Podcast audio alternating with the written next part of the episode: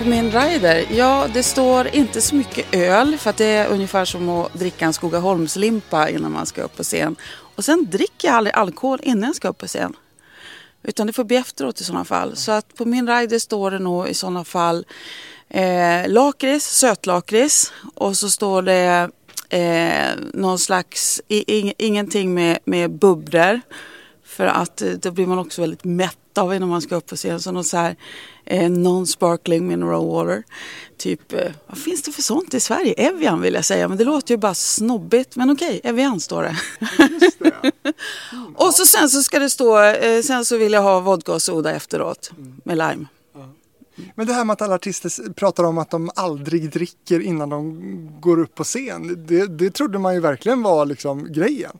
Nej, men jag, jag vill vara lite, lite nervös. Mm. Eller inte nervös blir jag, men jag vill vara skärpt. För att jag, jag har provat någon gång att dricka och man blir lite slafsig. Man, liksom, man blir för avspänd helt enkelt, tycker jag.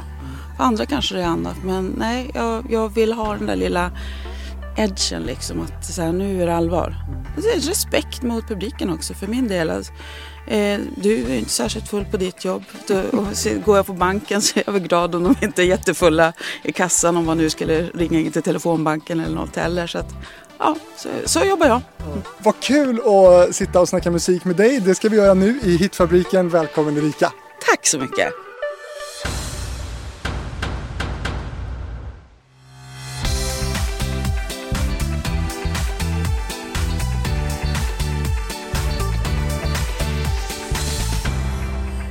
Ja, du har liksom alltid haft Erika bara som, som ditt eh, artistnamn? Ja, alltid. Alltid sen, sen första singeln. Hur kommer det sig då? När bestämde du dig för det? Nej men det bestämde jag i samråd med skivbolaget. Det var väl himla tur eftersom jag hann gifta mig några gånger efteråt. och långa och krångliga efternamn. Så det var väl himla bra. Ja. ja. Men, och det var inte tal om något så artistnamn eller så? Nej, i Tyskland tyckte de ju det för att där är det ju så här gamla tanter som heter Erika och så har det visst lite sådär eh, brun stövelklang också tydligen. Eh, men, nej, men jag använder det överallt annars så det fick bli så helt enkelt. Däremot bytte vi, jag är döpt till Erika med C men vi bytte det till Erika med K. Mm. Varför då? Det såg snyggare ut grafiskt. Ty detta var i, på den tiden det inte fanns eh, Photoshop eller man liksom, folk gjorde saker handkraft så att säga. Mm. Gud vad häftigt. Kul att bli påminn om den tiden då folk, mm. folk faktiskt satt och pillade med saker. Ja precis, ja. grafiskt med händerna. Du, när du satt och, och spelade punk och hårdrock då uppe i, i uh, Skellefteå som, som ung musiker, var, mm. var det liksom Visste du då att det var musik som, som du skulle jobba med? Ja, jag hade aldrig någon plan B. Uh-huh. Och det var ju bra. ja, men ibland kan man ju tänka sig att, att, det, att det ja, nu var det självklart för dig, men att det kan vara nervöst också. För att det är ju en tuff bransch alltså. Jo, men det visste jag ju inte då. Det hade jag ju ingen aning om då. Mm. Det, är, det är väl det som är bra när man är ung, att man är eh, ganska eh, naiv. Och eh, dessutom har, för då får man ju så här ett otroligt självförtroende på något vis. Alltså med all den livserfarenhet man på gott och ont har skaffat, liksom skaffat sig nu eh, när jag snart fyller 55. Eh, då, då blir man ju mer så här, ska man verkligen göra det här? Är det här något att hoppa på? Borde jag inte? Men när man är ung så är det bara, nu kör jag! Man har ju inte så mycket ansvar heller. Mm. Men hur var det då? För att, för att eh, det finns kanske, eller fanns kanske för dig en viss trygghet uppe i, i Skellefteå. Men, men 86 så, så kommer du till Stockholm med, med dina ambitioner och drömmar. Berätta om den resan. Och den var också väldigt självklar för att eh, jag hade varit väldigt mycket i Stockholm. Vi har mycket släkt här nere, min familj. Så att jag har varit här väldigt mycket. Jag hade till exempel när man skulle göra sin prao och pryo och allt vad det heter. Så var jag nere i Stockholm och gjorde det på ICA-Kuriren med heter hon, Birgitta Rasmussen. Rest in peace. Ja. Stort ju! Ja, eller hur? Är du bra på att baka? Ja, jättebra på att baka. Jag var livrädd för henne så jag blev bra på att baka. blev hon din mentor typ? Hon, hon var väldigt snäll mot mig. Ja, hon, hon, var liksom... hon var ju head honcho där också så alla hade ju stor respekt för henne. Hon var väldigt snäll och trevlig. Har du träffat henne liksom senare i livet också? Nej, för jag skulle aldrig våga hälsa på henne. Jag blir lite starstruck. Hade hon kommit ihåg dig? Nej, det tror jag inte. Det, det, gick nog många praktikanter genom det huset. Men jag såg henne ibland. Vi, eh, jag har ju varit Kungsholmen trogen sedan jag kom tillbaka från USA och innan dess också. Där bodde hon också, så jag, jag såg henne ibland. Mm. Mm. Ja, men berätta vidare, du hamnade på ICA-Kuriren. ja, det var min prao. Ja. Och det var liksom, jag, så att jag hade varit väldigt mycket i Stockholm så att jag skulle flytta ner till Stockholm när jag tog studenten. Det var liksom redan klart. Jag, jag fick en, en lägenhet, studentpresent. Det här låter ju Ja, det, det, låter ju bra. Ett ensambarn. Så det fick jag. Tack så mycket. Men var du en sån där, för jag har ju också flyttat från, från mindre ort och det känns som att det, det finns några olika typer där. Att, att det finns de som eh, bara vill därifrån, man flyr mer eller mindre, eh, kanske till Stockholm eller till andra större städer. Eh, och sen så finns det de som ser ner lite på de, de som, som flyr från sin, sin hemort. Va, hur var du? Nej, men jag hörde nog inte till någon av det. Jag, jag trivdes bra i Skellefteå men jag hade liksom alltid sedan väldigt unga år haft det i mig att jag skulle flytta. För att i Stockholm så kunde man plugga. Nu gjorde ju inte jag det utan jag började jobba extra på typ eh, favör i Hornstull eller någonting och så sen höll på med musik. Mm. Men det var det man gjorde i min släkt. Man åkte ner, man pluggade, man utbildade sig till någonting. Om man då åkte till Umeå eller till Stockholm eller och som sagt Stockholm blev det naturliga för mig. Så att där jag växte upp där var det inte alls ovanligt. Mm. Men jag var nog kanske den enda där som inte eh, skaffade mig en vidare utbildning heller. Mm. Så, så jag gjorde som det sig, sig där jag växte upp, men eh, på mitt sätt. Mm. hur, hur togs du emot i Stockholm skulle du säga? Jag hade ju redan lite kompisar här. Jag hade ju ett umgänge. Jag kände ju musiker redan när jag kom ner hit. Och, så att eh, Ja, det var ju bara att plocka upp tråden och köra. Mm. Jag hängde med ett band som då hette Maninja Blade som senare blev Hexenhouse som hade en trummis som hette Martin Eriksson. Sedermera känd som E-Type. Och vi sprang på varandra någon gång i somras också och lyssnade på hårdrock på krogen. Så att ja, det har hänt en massa saker på 40 år men ändå inte. Ja. Men du känner hela branschen egentligen med, med all den erfarenhet och så länge du har varit här nu? Ja, det skulle jag väl säga. Många i alla fall. Mm. Men du, ska vi prata någonting om Rock-SM 87? Ja, det kan vi göra. Vad minns du från Rock-SM 87? Hur var den scenen då skulle du säga? Jag minns att vi hade replokal ute i Farsta och jag bodde då på Kungsholmen. Så jag hade inte, så då satt man på den där eh, på gröna linjen och åkte fram och tillbaka. Mm. Och eh, alltså det fanns, ju, det fanns ju ingen iPhone eller någonting då.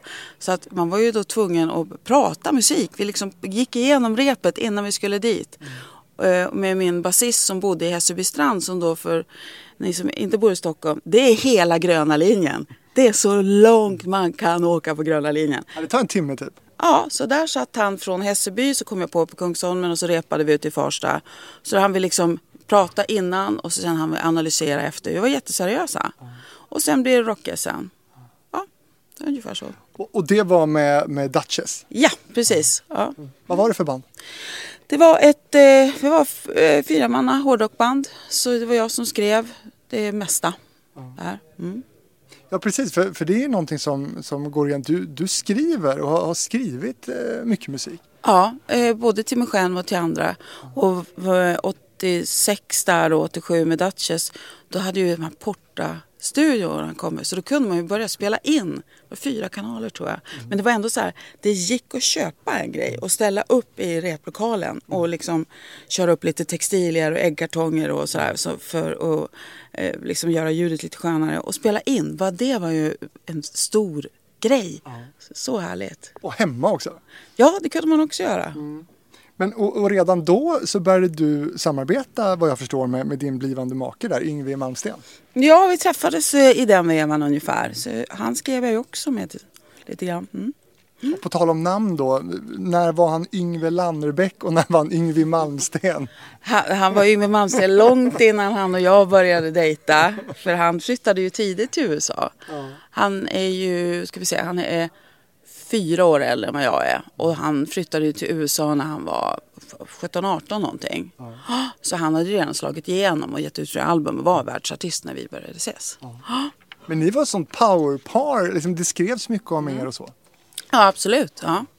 Hur var det? Hur upplevde du den liksom, tiden? För det blir ju, du blev omskriven. Ja, men det var, ju, det var ju både jobbigt på ett sätt för att det fanns inte så mycket kändisar. Jag kommer ihåg Dr. Alban sa en gång då ah, du vet, det finns typ fyra kändisar. Det är du, jag, Carola, Lena Philipsson. Ungefär. Och det var ju lite så. Det här var ju innan internet då. Så att eh, om man blev omskriven så var man liksom omskriven hela tiden. Ja.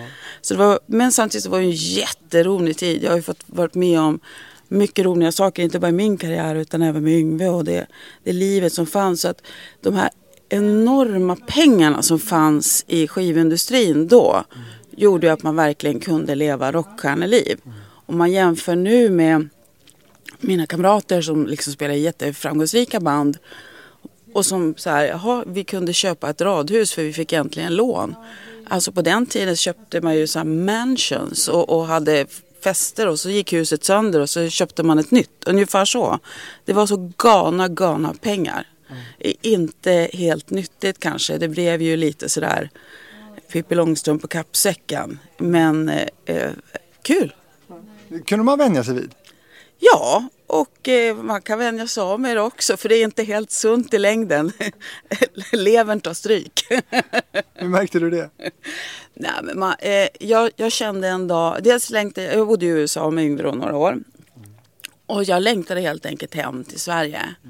Eh, han kunde inte tänka sig att flytta tillbaka till Sverige. Han bor fortfarande kvar i samma hus som vi köpte. Eh, och jag längtade tillbaka. Jag längtade efter årstider, jag längtade efter mentaliteten. Eh, ja, jag, det här är mitt hem. Mm. Vad har ni för kontakt idag? Ingen alls, som så många av hans vänner från Sverige. Han har eh, sin tredje, fjärde fru. De har varit tillsammans länge. Och hon är också hans manager. Hon håller honom ganska tight, om vi säger så. Mm. Det kanske behövs. Eh, ja, han har ju varit nykter i många år och det är ju bra. Eh, men det är ju tråkigt att han inte får prata med gamla kompisar. Ja. Mm.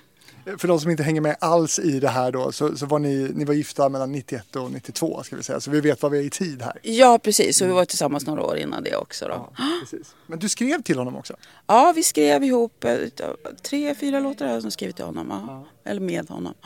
Berätta om, om någon av dem. Eh, ja men till exempel Demon Driver kommer jag ihåg när vi skrev. För det skrev vi tillsammans eh, i hans hemstudio. Eh, jag tror att han kallade det för Studio 308 för då hade han just köpt en Ferrari, en 308 mm. GTSI.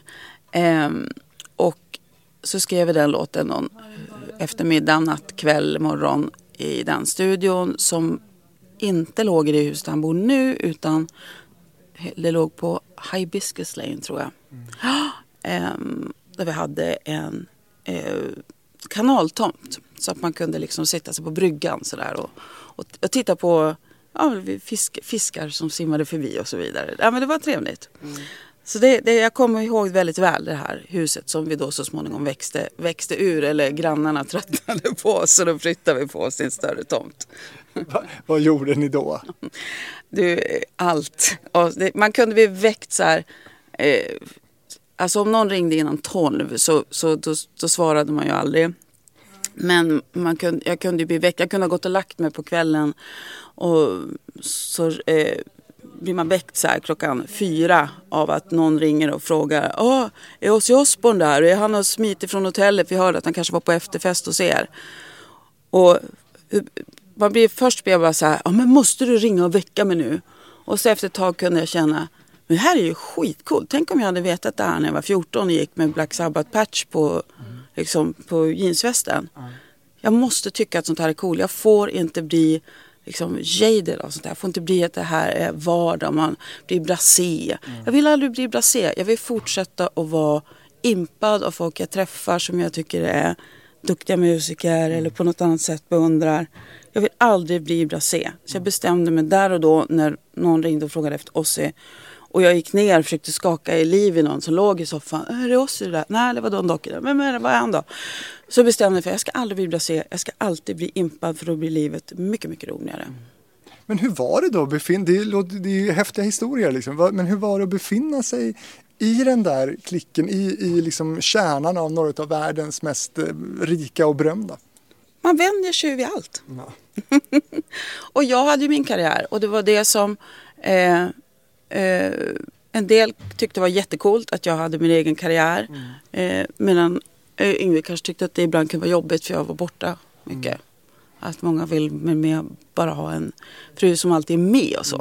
Mm. mm. För vi kanske ska backa bandet mm. ytterligare lite en liten stund för att, för att jag tänkte vi ska prata lite om Bob Ljunggren och Håkan Halmqvist eh, vilket är ett roligt par när man pratar eh, om dem och i samband med dig då för att de hittar dig och bestämmer sig då för att spela in ditt första album som heter Cold Winter Night 1990. Stämmer bra.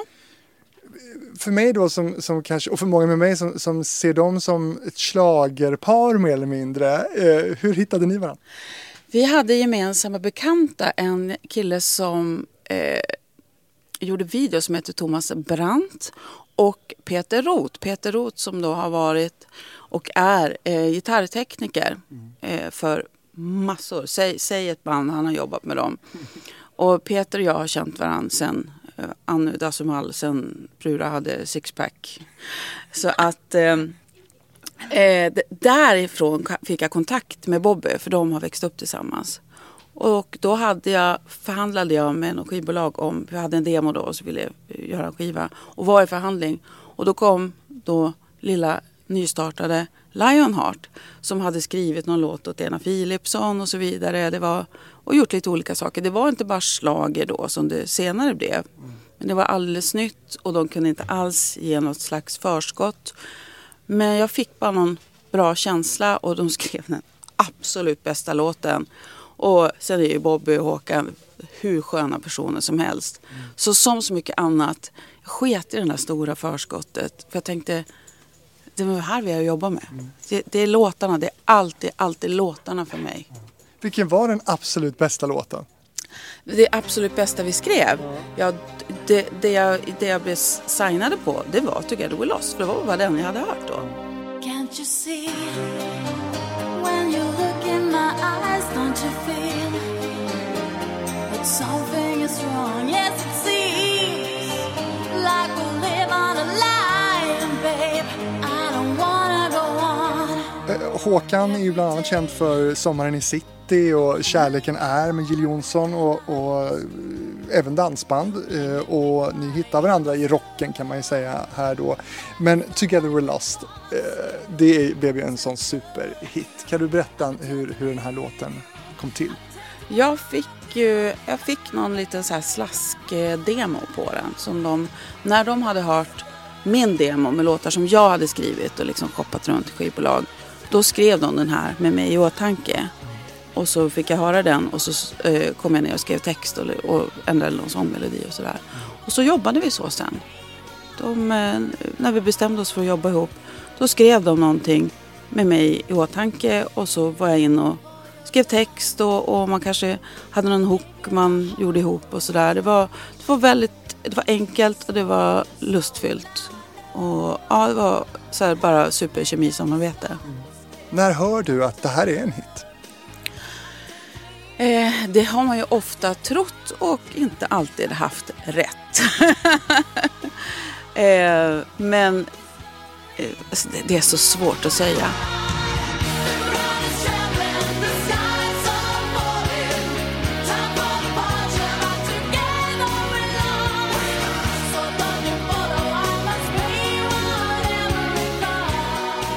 Och ibland har man ju skrivit låtar till, till andra också som var bara det här är så himla bra.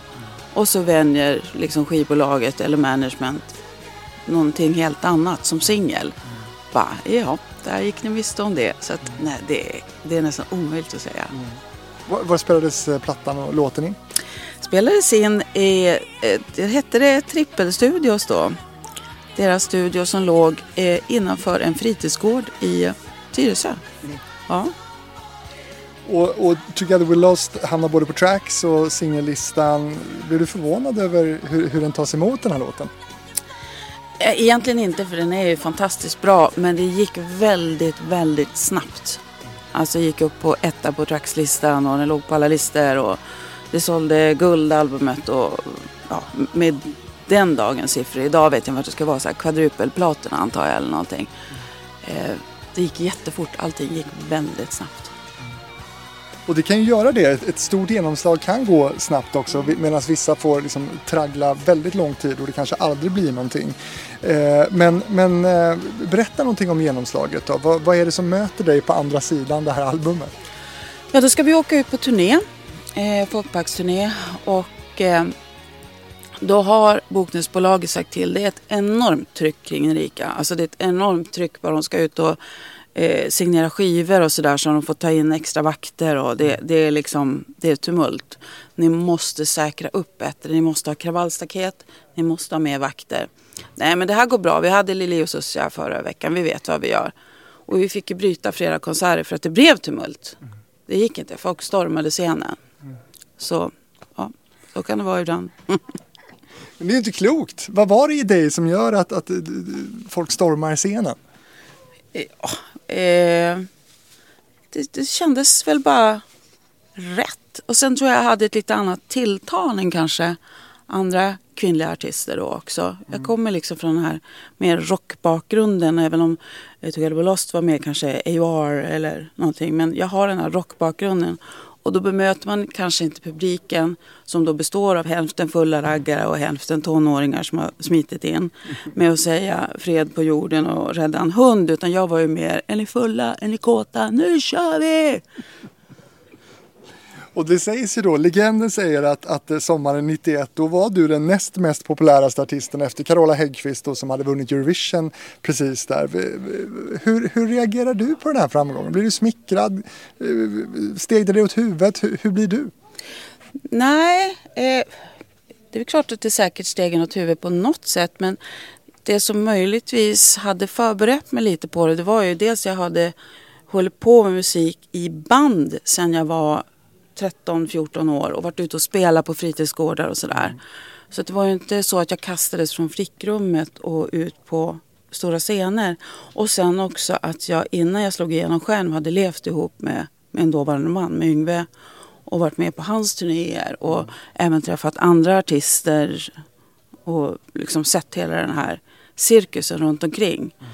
Som, alltså jag var väl lite förberedd så förberedd man nu kan vara mentalt. Mm. Men att du står där själv då? Som du nämnde, du är ju en bandtjej. Ja, eh, jag hade ju band med mig naturligtvis. Jag har ju alltid kört med ett liveband. Men, men det fick man ju plocka ihop förhoppningsvis ungefär samma gubbar för varje turné. Men det var ju alltid någon som inte kunde som var ute och gjorde någonting annat och så. Mm. Jag lyssnar ju fortfarande på Together We're Lost och tycker att det är en fantastisk låt. Vad har du för relation till, till den låten idag? Jag tycker fortfarande den är jättehärlig. Mm. Och jag är jättestolt över den.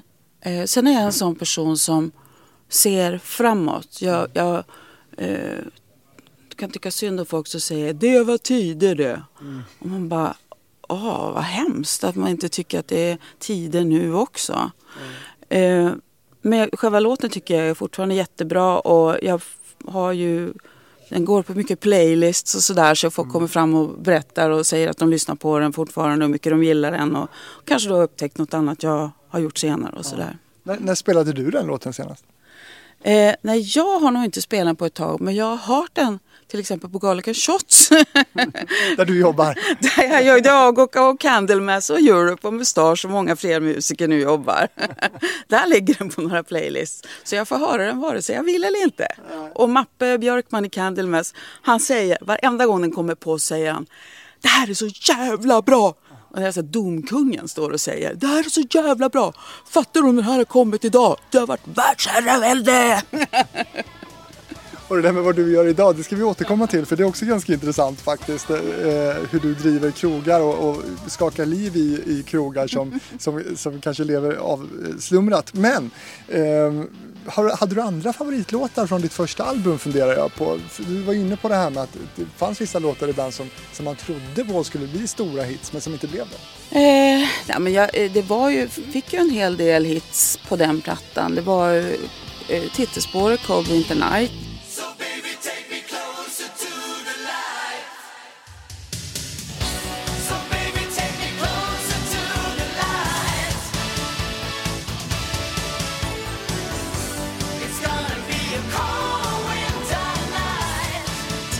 och så var det Hurting So Bad tror jag var en singel också. Och var det Heavenly också kanske på det albumet. Ja. Som var otroligt bra låt. Jag kommer inte ihåg, var det Jonas Warnerbring som var med och skrev den kanske? Eh, Heavenly, ja också bra låt. Mm. Och, och, och, du blir sedermera vad jag förstår den första artisten som signas på Lionheart. Ja, för det blev ju alldeles nystartat då. Mm. mm. Och se vad bra det gick ja. för dem. Och som idag ägs av Universal. Precis. Mm. Eh, jag tänker också på, eh, här är du en, en eh, verkligen it-girl. Du har eh, stor framgång, du, du säljer slut folkparker, du släpper hitlåtar och släpper musik. Du har en, en omskriven relation också.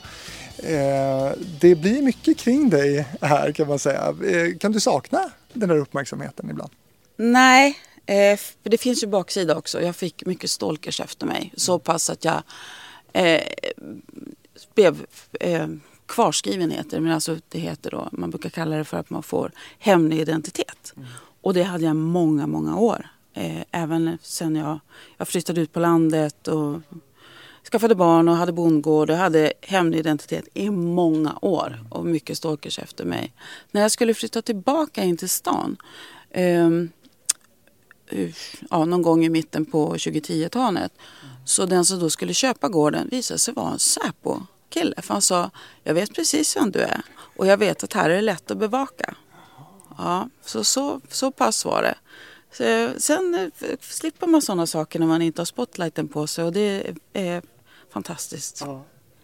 Men, men det låter också läskigt för de som inte har varit utsatta för, för stalkers. Vad, vad innebar det för dig? Ja, men det, det, är, det är terror 24-7. Mm.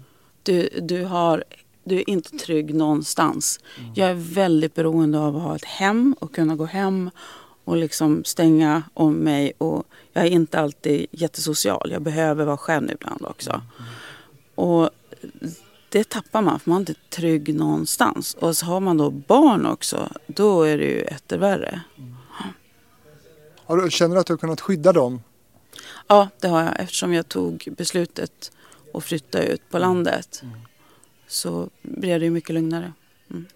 Efter första plattan då, eh, Cold Winter Night, så, så, släpper du redan året efter, 91, ditt andra album som heter In the Arms of a Stranger.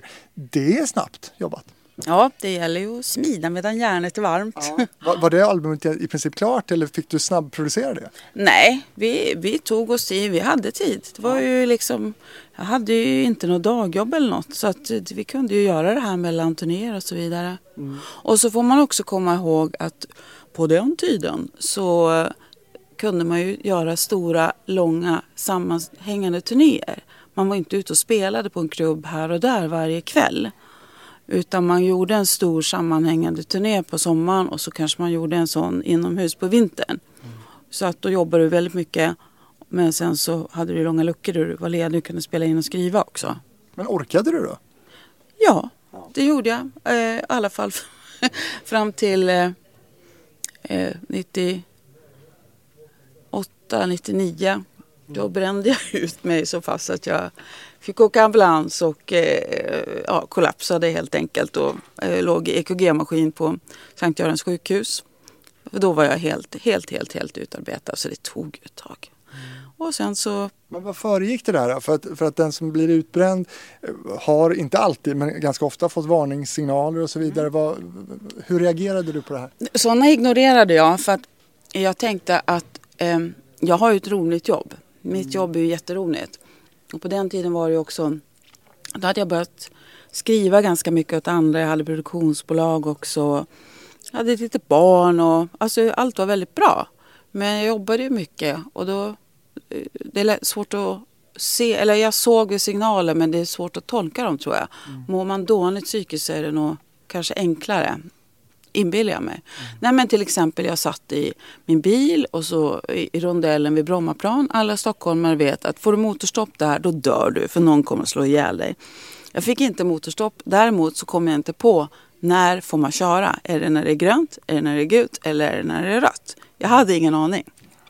Och sen så... Varningsklocka är det. Ja, varningsklocka. Eller att jag var ute och gick och inte hittade hem. Jag visste numret på mitt hus men jag förstod inte vad siffrorna var. Och då förstod jag att det här är kanske inte bra, jag måste ta det lite lugnt. Du gick runt och letade efter oss i här. hallå, hallå! kanske inte är bästa vägvisaren hem heller. Men, men eh, du återhämtade dig ändå till slut då efter, hur lång tid tog det? Ja, men det var då jag tog beslutet att flytta ut på landet så småningom. Och eh, sen levde jag ett väldigt lugnt liv där och höll jag skrev lite åt andra men höll nästan inte på med någon musik alls. Mm. Jag brukar säga det, jag tog mina så kallade dra åt helvete pengar och kunde finansiera och vara hemmafru egentligen i 12 år medan mina barn var små. Mm. Och det är den bästa investeringen jag har gjort. Det är liksom den tiden och få så mycket tid med dem, det var helt fantastiskt. Vad kostar det att vara hemmafru i 12 år? Det beror på hur mycket Gucci-väskor man köper. Precis vad omkostnaderna. ja. Jag la mest pengarna på så höns och, och uh, ponnys som inte var uppfostringsbara och sådär. Så att det finns alltid hål att stoppa pengar i.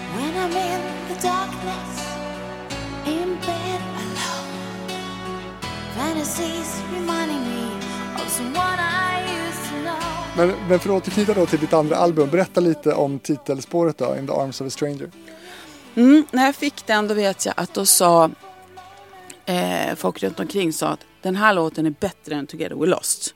När de hade hört hur eh, Thomas, eller förlåt, hur, hur eh, Bobby och Håkan hade suttit och skrivit på den. Då vet jag att Thomas Brandt som jag nämnde tidigare då, det, så hade varit där och lyssnat liksom bara av råkat lyssna och sa det här är, det här är bättre än, än Together We Lost. Så blev jag lite nyfiken. Ja. Men så blev det inte? Jag tycker det är en skitbra låt. Men, men eh, nej, bättre är den ju inte. Nej, men det, det är en bra låt som står för sig själv. Och jag gillar det albumet. Jag, jag minns, jag minns det först, när vi spelade in det albumet. Det var första gången i mitt liv som jag var bakfull.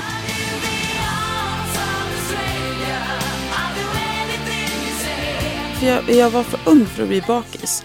Så Håkan hade flera gånger sagt till mig så jaha du var ute igår och här kommer du att se ut pigg som en ekorre. Ja, jag är alltid bakis.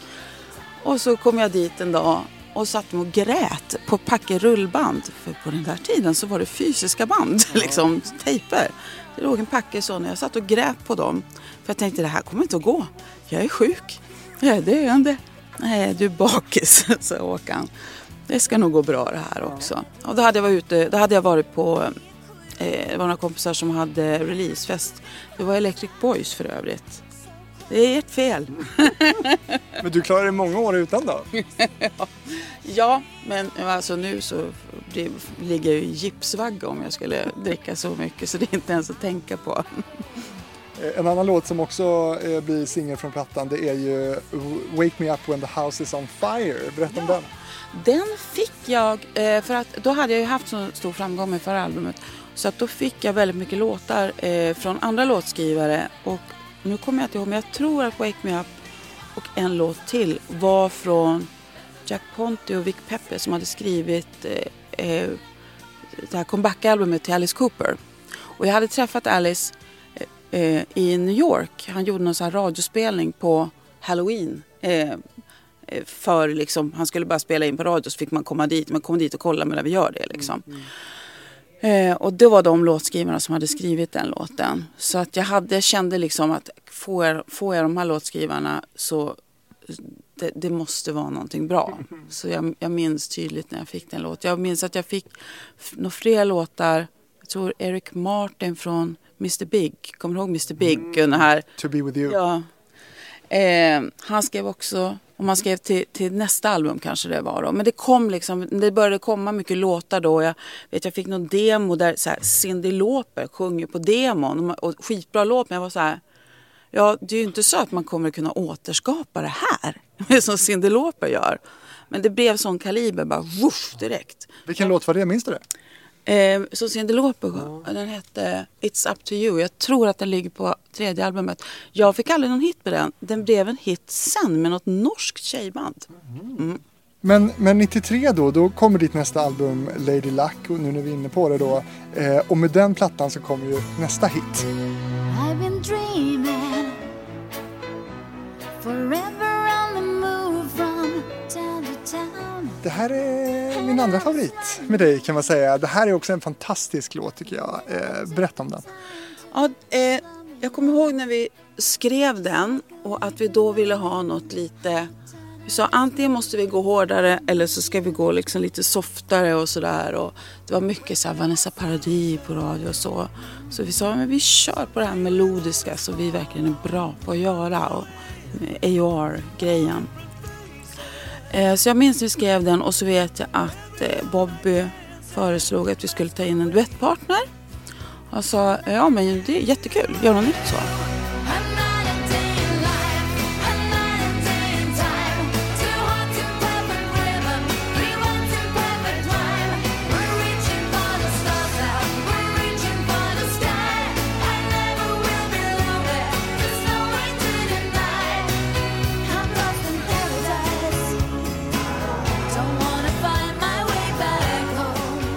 Jag, har du varit och kollat på ett band som heter Off Duty någon gång när, när du har varit ute? Ja, jag har sett dem på gamla Daily News eller någonting.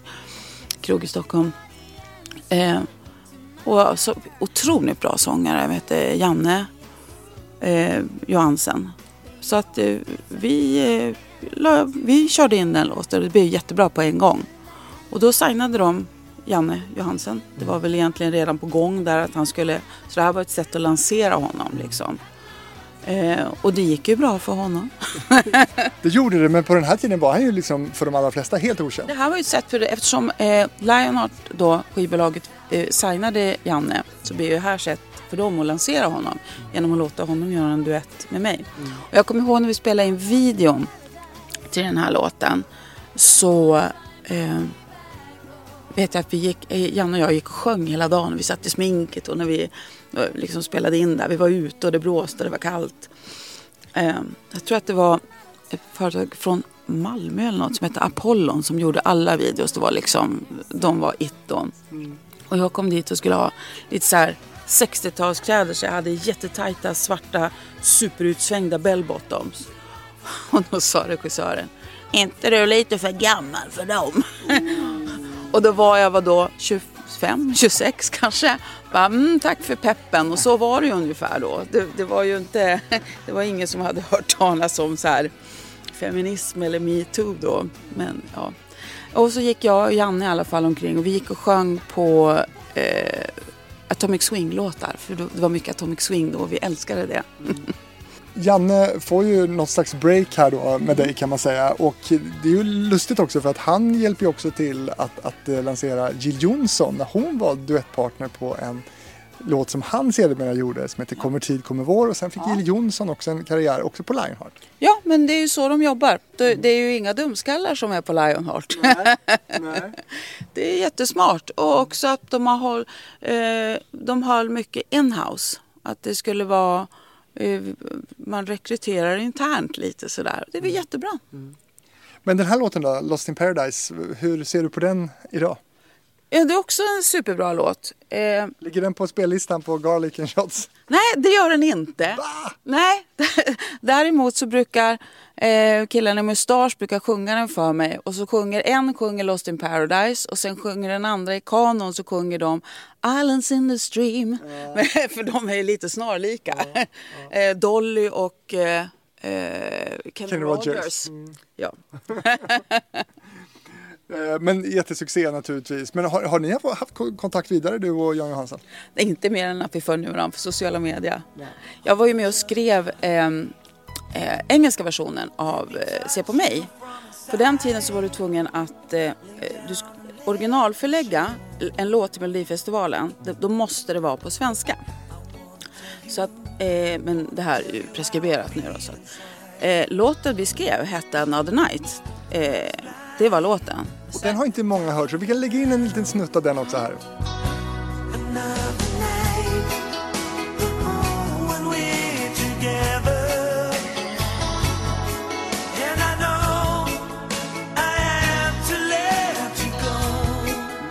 Sen så måste man då skriva, för att kunna ha med det i Melodifestivalen, vilket de kom på när, den, när Another Night var klar, att det här är Jannes Melodifestivallåt. Då måste de eh, originalförläggas på svenska var det då. Mm. Så att då kom Pring in och skrev Se på mig. Och hon var ju, vi kan väl säga att hon var inte helt generös med andelarna av texten. Nej. Du vill ha haft mer? Eh, nej men man kan ju inte bestämma något för om någon originalförlägger kan de ju slita åt hur mycket som helst. Vi kan väl säga så här, min karma är nog lite bättre än hennes eftersom jag alltid har varit väldigt generös. Har du en beef med Pling? Absolut inte, vi har aldrig jobbat ihop. Men, men hur funkar det här med andelar och sådär för de som lyssnar och är novisa när det kommer till låtskrivandet? Man, berätta, hur, hur går det till? Ja, alltså, eh, det blev ju fri fördelning. Eh, när jag började så var, då var det liksom hälften, han, om, om man skulle eh, eh stimma en låt, förlägga en låt, stimma en låt eller förlägga en låt så kan du bara få, eh, det var 50% var text och 50% var musik. Mm. Eh, och det tyckte jag var lite orättvist. Så när det då kom att man fick fördela det fritt så var det många som vidhöll att jag ska minsann fortfarande ha 50 procent, så har det alltid varit. Och jag tyckte det var fel, för jag såg alltså hur länge Bobby och Håkan och Jonas Warnerbring var ju med där i början också. Hur länge de slet för att liksom få fram en demo och få fram låten. Och så ska de två dela på något och få eh, liksom hälften av den andel jag som textförfattare skriver på baksidan av ett Melitta-filter i köket medan jag liksom sitter och röker när jag väntar på någonting i studion. Mm. Det är ju inte okej. Okay. Så att eh, vi fördelade liksom upp det på ett annat sätt så fort det gick att göra det. Mm. Eh, Planet X släpps mm. 97. Inga solklara hits från den plattan som, så som jag liksom skulle tolka det. Vad säger du? Vad var det på den? Ja, Supersonic City var någon singel från den. Ja, men den tycker jag var rätt hittig. Mm. Den kom till Japan också? Ja, den var ju primärt för Japan. Mm. För eh, det var väldigt mycket sug efter svensk musik i Japan. Mm. Så att vi eh, siktade på Japanmarknaden mm. helt och hållet. Men för att de ville då, japanska skivbolaget, att man ska göra en release i sitt hemland också. Um, och eh, då gjorde vi det. Vi satsade inte så mycket här. Men det var nog Supersonic City som var singeln. Och det gick bra. Jag hade otroligt mycket airplays. Jag var där ett par gånger och gjorde promotion. Mm. Jättekul. Ja, hur långt i världen har, har de här, den här musiken tagit dig? Eh, alltså jag har, jag har ju själv inte jag har liksom inte förvaltat mitt pund särskilt bra. Sen hade jag ett litet independent skivbolag. Hade jag legat på ett multibolag så har jag säkert eh, liksom släppts i fler länder och så vidare. Mm. Men jag valde också att göra det. Mm. Alltså hellre en stor fisk i en liten damm eller vad man säger. Mm. Um, men förutom Japan, var, var, var du runt och turnerade? Ja, jag, eh, jag har varit runt och turnerat. Jag har gjort eh, promotion-turnéer och jag har uppträtt live-tv i Tyskland, i liksom hela Skandinavien. Och, mm. Men din relation till USA här tänker jag eh, och Yngve och allt det här. Var, var du aldrig sugen på den amerikanska marknaden? Nej, jag, jag, jag tänkte nog inte ens så, en världsherravälde, utan jag var ganska tillfreds med den, eh, den karriär jag hade i Sverige och, och liksom lite runt omkring så.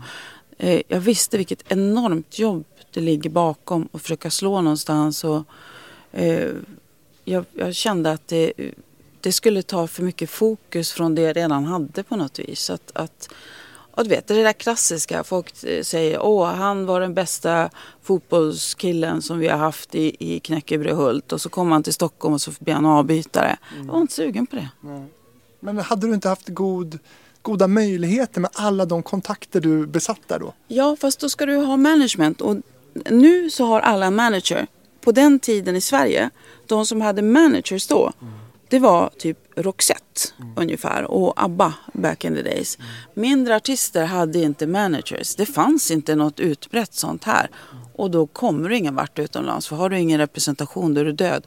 Så det tycker jag var tråkigt. Det, det vet jag, det pratade jag ofta om sen med skivbolaget då. Men det, det, var inte den kulturen då helt enkelt. Du har tävlat i Melodifestivalen. Ja, som låtskrivare. Ja. det kanske inte är så många som vet det, men eh, det var ju en ganska bra låt tyckte jag. Ingen annan väg 98 som kom tvåa ju. Ja, precis. Det var ju då P.O. Thyrén från Noise, det var ett band som heter Big. Eh, och, och, det var under ledning av P.O. Thyrén från Noise som jag skrev den tillsammans med, med bandet och med Rickard Evenlind. Eh, som är pappa till mitt äldsta barn James. Mm. Eh, ni var gifta? Ja, precis.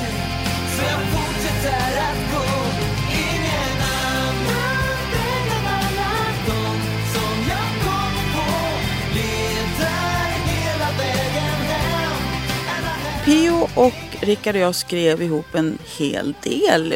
Dels skrev vi till mig och vi skrev till, till andra projekt och vi gjorde ju någon julsingel ihop till Noise och, eller det hette Christmas Crackers hette det, just det. eh, eh, när julen kommer till stan. Och med då Noise och eh, kommer inte ihåg vad det var. Jag sjunger också på den. Ja, så jag har gjort mycket roliga grejer ihop med P.O. Thyrén back in the days. Alltså P.O. Thyrén har ju skrivit allt. Allt. Han har skrivit allt som är bra typ. Får ge mig en mailadress till honom. Han måste också vara med i Hitfabriken naturligtvis. Det kan bli ett långt avsnitt. ja, verkligen. Fantastisk människa. Fantastisk låtskrivare. Men, men eh, berätta om Ingen annan väg. Ja, nej, det blev... Eh, eh, jag- kommer bara ihåg att vi, vi skrev det. Jag tror att vi jobbade faktiskt i Bobby Ljunggrens eh, studio då, ute i Tyresö. Som då hade eh, avancerat upp och liksom eh, köpt en, en bättre studio som inte låg i en fritidsgård längre utan de hade byggt en skitfin, jättefin studio där. Och där jobbade vi eh, och sen så kom den låten med i Melodifestivalen och ja, jag minns bara att jag var med. Ehm, Kommer du ihåg vem som vann? Jo, Jill Johnson vann. Det jag minns var att det året så var det några nya regler. Att det var bara fem stycken som, det var fem stycken som var inbjudna. De ville liksom, det var det året de ville höja ribban. Att det inte bara skulle vara gamla dansband och sådär. Jag tror han tog in så Peter Svensson från Cardigans och sådär va? Exakt, precis så var det. Så att de hade fem stycken inbjudna så det fanns bara fem öppna platser det året och vi lyckades knipa en av den och så kom vi två. Det tycker jag var bra. Ja, men det är bra placering, eh, silverplats helt klart. Vad jag kommer ihåg av det där var också att det var någon snack om att det var någon, liksom, någon kristen koppling på det där bandet. Ja, men de är ju, de är ju kristna. Eh, eller troende ska man väl säga. Kristna är det ju många som är, men de är troende. Till skillnad från mig som inte ens är med i Svenska kyrkan. Men, men eh, vi går bra ihop ändå. Så hela det bandet, eh, Big betyder Brothers in God. Och var liksom eh, ett gäng från samma församling som då Runar och Carola. Som vi då bodde, eller var gifta tillsammans och vi firade nyår där något år och så. så att, Alltså ja. Livets Ord alltså. Eh, Ja, det här var väl efter Livets Ord, men det var någon ut, utbrytargrupp därifrån. Och jag är ju verkligen inte aktivt troende, nästan tvärtom ska vi säga. Eh, Du blev inte frälst. nej, nej, och jag har gått ur Svenska kyrkan aktivt. Så jag, jag är inte någon kyrklig människa. Eh, eh, ja, I sold my soul to metal. Eh, Men det är, det är kul att veta det, att, du har skrivit eh, mycket låtar åt andra också. Och, eh, vi pratar om Yngve, vi pratar om det här med, med Ingen annan väg nu. Och så har du skrivit dansband också. Ja, det har jag gjort. Jag har skrivit en del dansband till, eh, ja, till Marianne Records hette det ju då, alltså Bert Karlssons gamla bolag. Ja, det har jag gjort. Va- Vad kommer du ihåg, vad är det för låtar du har skrivit i dansband? Du, jag vet inte. Jag vet att något år, jag skrev väldigt mycket ett tag, så jag vet att något år så, så ringde Bert mig i något annat ärende och sa Ja du vet att du är Grammis-nominerad nu med och då var det någon så här Visex eller någonting. Bara, Va? Jag vet inte. Han var inte helt noga med rapporteringen alltid om vi säger så. Man kunde få ringa och, och påminna om royalties och sådär. Har du blivit lurad mycket på pengar? Eh, jag tror faktiskt inte det. Eh, det har jag säkert, som alla andra. Men inte lika mycket som många andra. För jag har, eh, jag har försökt att ha lite koll på det. Men det är ju väldigt många, det är ju vanligt i branschen. Det är ju ett branschproblem skulle man nästan kunna säga. Ja, det går ju inte att hålla koll åt alla håll. Dessutom ska man ju ha den kreativa rollen. Då hinner man ju inte hålla koll på sånt där. Jag tror att det är lika svårt nu. För nu ska ju många vara självrepresenterade och de har sin egen label och som de subbar till någon istället. Och ska du ha ännu mer koll på sådana saker. Däremot finns det fler management och där kan man ju naturligtvis också bli lurad. Men eh, att man har representation på ett annat sätt. Men jag har definitivt, jag garanterar att jag har blivit lurad på någonting. Men jag inbillar mig att jag har satt lite bättre avtal än många andra. Det verkar åtminstone så för jag har liksom klarat mig hyfsat ekonomiskt om jag jämför med många andra.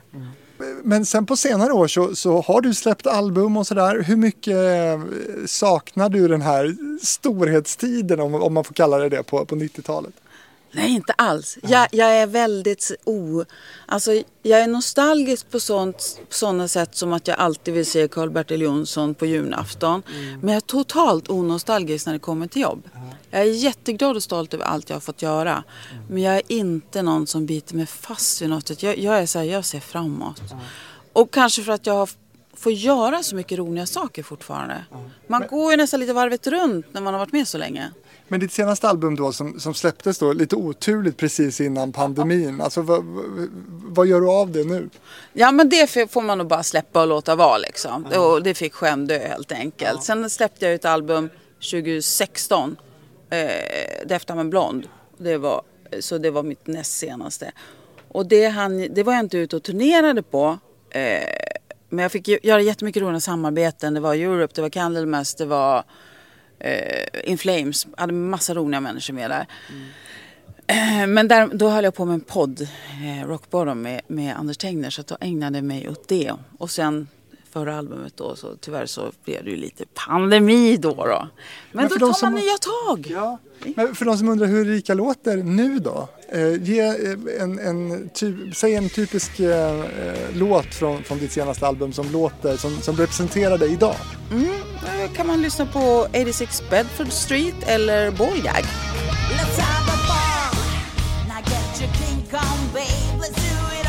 Det är klassisk hårdrock. Ja, alltså Defton Blonde då var det så metal, ganska mycket metal. Jag, som jag sa, jag jobbade ihop med folk från In Flames och, och Candlemass och så. Eh, albumet som kom 2020, där är det mer klassisk hårdrock helt enkelt. Där har jag jobbat ihop med Staffan Österlind till exempel. Mm. Och du, sen så pratade du och jag lite innan här också om att, att, eh, att tiderna liksom förändras. Du har ju liksom gått ifrån att vara en så, så superkommersiell artist till, till, att helt plötsligt bli liksom insläppt i finrummen nu. Ja, i, i, ja men precis. Eh, Grammisjuryn och, och som hårdrockskunnig och sådär. Det är ju fantastiskt. Och så sen också eh, massa roliga samarbeten som har kommit under pandemin som aldrig skulle ha hänt liksom, i början av min karriär. Så här, alltså dödsmetallband. Och där är det jätteviktigt med vad man, man ska vara true som det heter. Eh, jag vet att det eh, finns, eh, jag ska göra ett samarbete med bland annat eh, ja, eh, Necrophobic som är så black and death metal. Eh, och Grave. Och kommer att vara någon från Nifelheim med, alltså så kallade bröderna hårdrock. Som är så true att de har avfrändat folk för att de en gång har sagt att de gillar Mötley Crüe. Nu sa de istället, vi, vi gör gärna det här förutsatt att vi får vara i studion och lägga sång samtidigt som Erika. Då har man väl gått varvet runt. Ja. vad, vad är din analys av det här? Inte för att och, och, och, några jämförelser överhuvudtaget i, i övrigt. Men samma sak som ABBA.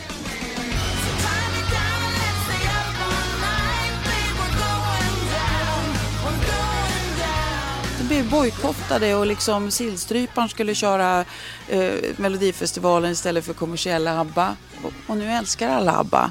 Håller man på tillräckligt länge och gör sin grej så blir man accepterad till slut. Men, och sen så har du tagit dig an krogen? Ja, absolut. Ja. Eh, favoritkrogen bland, bland många i rocksvängen var ju, eller är då Bröderna Olsson, Skalken Shots på Söder i Stockholm. Och så skulle den bli en kebabrestaurang. Och vi som är krogmänniskor, vi, vi, alltså vi, vi umgås på krogen och sådär. Vi fick ju panik. Så att det, det var, började med att eh, Ralf Gyllenhammar i mustasch skrek, för det gör han ibland. Vi måste rädda Olssons! Så då bestämde sig en hel grupp för att göra det. Mm. Så nu så, jag jobbar som HR där och eh, i källarbaren så kan man hitta folk från Mustasch och i, i den andra baren så kan man hitta folk från Candlemass och eh, John Levén från Europe är där och, och sen så ah, massa andra musiker. Mm. Så att eh, Linnea från Therion, hon är hemma och ska föda barn nu men ja. Och sen så har vi väldigt mycket gäster och kompisar, alltså folk från allt från Oppet, Ghost, eh, man hittar alla hos oss. Men, men om man vill rädda en krog då, för nu när du och jag sitter här och pratar, då är det ju liksom eh, head news att, att krogen har ju en, i princip panik med att rekrytera eh, folk till, tillbaka till krogen efter pandemin. Och du är HR, hur, hur gör man? Men, eh, vi visste ju inte vad vi gjorde. Det, jag tror att vi är tillbaka lite på steg ett där. Mm. Vi pratar om hur var det att flytta och, och försöka slå igenom i musikbranschen. Men vi visste ju inte vad vi gjorde heller. Mm. Det var ju två personer som då, Thomas Emdahl från ett brand som heter Fatal Smile. Han har varit en väldigt framgångsrik krögare också. Men jag har ju känt honom i 30 år som turnéledare. Mm. Och Jocke Philipsson då som eh, företagare, entreprenör som också har jobbat mot krogar. De kunde ju liksom krogbranschen. Mm. Och alla vi andra är vad då Mappe Björkman i Candlemass säger, fragglar. Vi är fragglar. Så vi, alltså, eh, det, man kan bara bära en tallrik åt gången och så här, eh, du vet, man spiller lite öl när man kommer med brickan. Men våra gäster gillar ju det. Så det kommer ju långväga folk. Det kan sitta folk en vecka och vänta och hoppas på att någon ska dyka upp. Eller i fredags hade vi folk som flög in från Amsterdam och hoppades att John Levén var där. Ja men då ringde jag Jompa. Jag visste att han var hemma. Så ringde jag honom och så fick han säga hej och så. Mm. Och det kom någon, eh, hade med sig rika grejer, jag skulle signa någon dag. Och då var inte jag där så då kunde ju någon säga, ja men hon kommer imorgon. Och så kom de tillbaka och sådär. Och det är jättefint. Och, ja, vi, det är ju liksom, vi försökte helt enkelt göra en fritidsgård för vuxna. Vad vill vi själva vara? Mm. Medelålders människor som gillar att dricka bärs och hänga på krogen. Ja, och spela flipper och lyssna på hårdrock. Vad kostar en stor stark hos dig då? 59 kronor. Mm. Om man inte är stammis kan man få lite rabatt kanske. Men vad trevligt, jag måste komma och besöka, det låter ju fantastiskt. Ja, och vi har behållit allt det. Alltså, andan finns kvar. Ja. Jag har renoverat upp och satt upp våra turnéminnen och så vidare. Ja. Men andan finns absolut kvar. Det ser ut likadant och det är vitlök i all mat och man kan fortfarande få isterband och köttbullar, mm. såklart. Ja. Och, eh, eh, ja, hänger det någon Erika merch uppe då? Ja, det finns det också. Ja. Det är väldigt mycket prylar. Ja. Men, men det finns, ja, mitt första singelomslag, Together We Lost, står inramat ja. eh, nere i källarvaren till exempel. Så det brukar man kunna hitta bland all merch. Vad skulle du säga idag att du är mest stolt över om, om, du, om du går till dig själv? Jag är nog mest stolt över att ha varit en av de kvinnliga pionjärerna i hårdrockssvängen. Mm. Det har, har, varit bra och det har varit viktigt och det är jag stolt över. Mm. Trots stalkers? Smällar man får ta. Mm. De har gett sig idag i alla fall? Ja, det har, ibland blossar det upp. Eh, men eh, det kan ju också man får komma ihåg att jag har en förkärlek för, för andra musiker. Eh, så jag har ju levt ihop med andra musiker som kanske också har stalkers efter sig. Så att eh, vem vet väl liksom vem man vill åt ibland sådär. Men det har ju gått sådär va? ja, det, det, det vet man väl aldrig. är du fortfarande ihop med musiker? Eh, vad heter det där på Facebook? It's complicated. Ah, ja, ja. ja jag, jag, är officiellt singel men jag träffar någon. Mm -hmm. Spännande. Men det är musiker? ja, självklart. Ah. Dina då hits som Lost till exempel. Mm. Hur mycket drar den in idag, så här 30 år senare? Asch, det är ju, jag får några hundralappar från STIM då och då. Ja. Det är ju inte jättemycket. Nej. Men sen har jag ju skrivit en del annat. Så att det kommer ju alltid in någonting. Och så har jag lyckats skriva, varit med och skriva till exempel så här när julen kommer till stan eller man är med på den och, och man kanske har någon sami från någonting. Mm. Så då kommer det en sudd så här året om. Ja. Det är ju inte så jag ska kunna leva på några royalties men lite grann får man ju. Ja. Du Erika, vad kul att ha träffat dig. Hur var den här upplevelsen tyckte du? Jättekul! ja, jättekul. Ja, vad roligt. Eh, kul att titta tillbaka ibland, även om du som säger har eh, ganska mycket framåtblick också. Vad, vad, vad ligger närmast för dig musikaliskt framåt då? Eh, nu ska jag då köra in en eh, jag går in, ingår i ett välgörenhetsprojekt med eh, några dödsmetall och black and dödsmetallband. Eh, så vi ska göra en cover som vi ska släppa till förmån för Cancerfonden.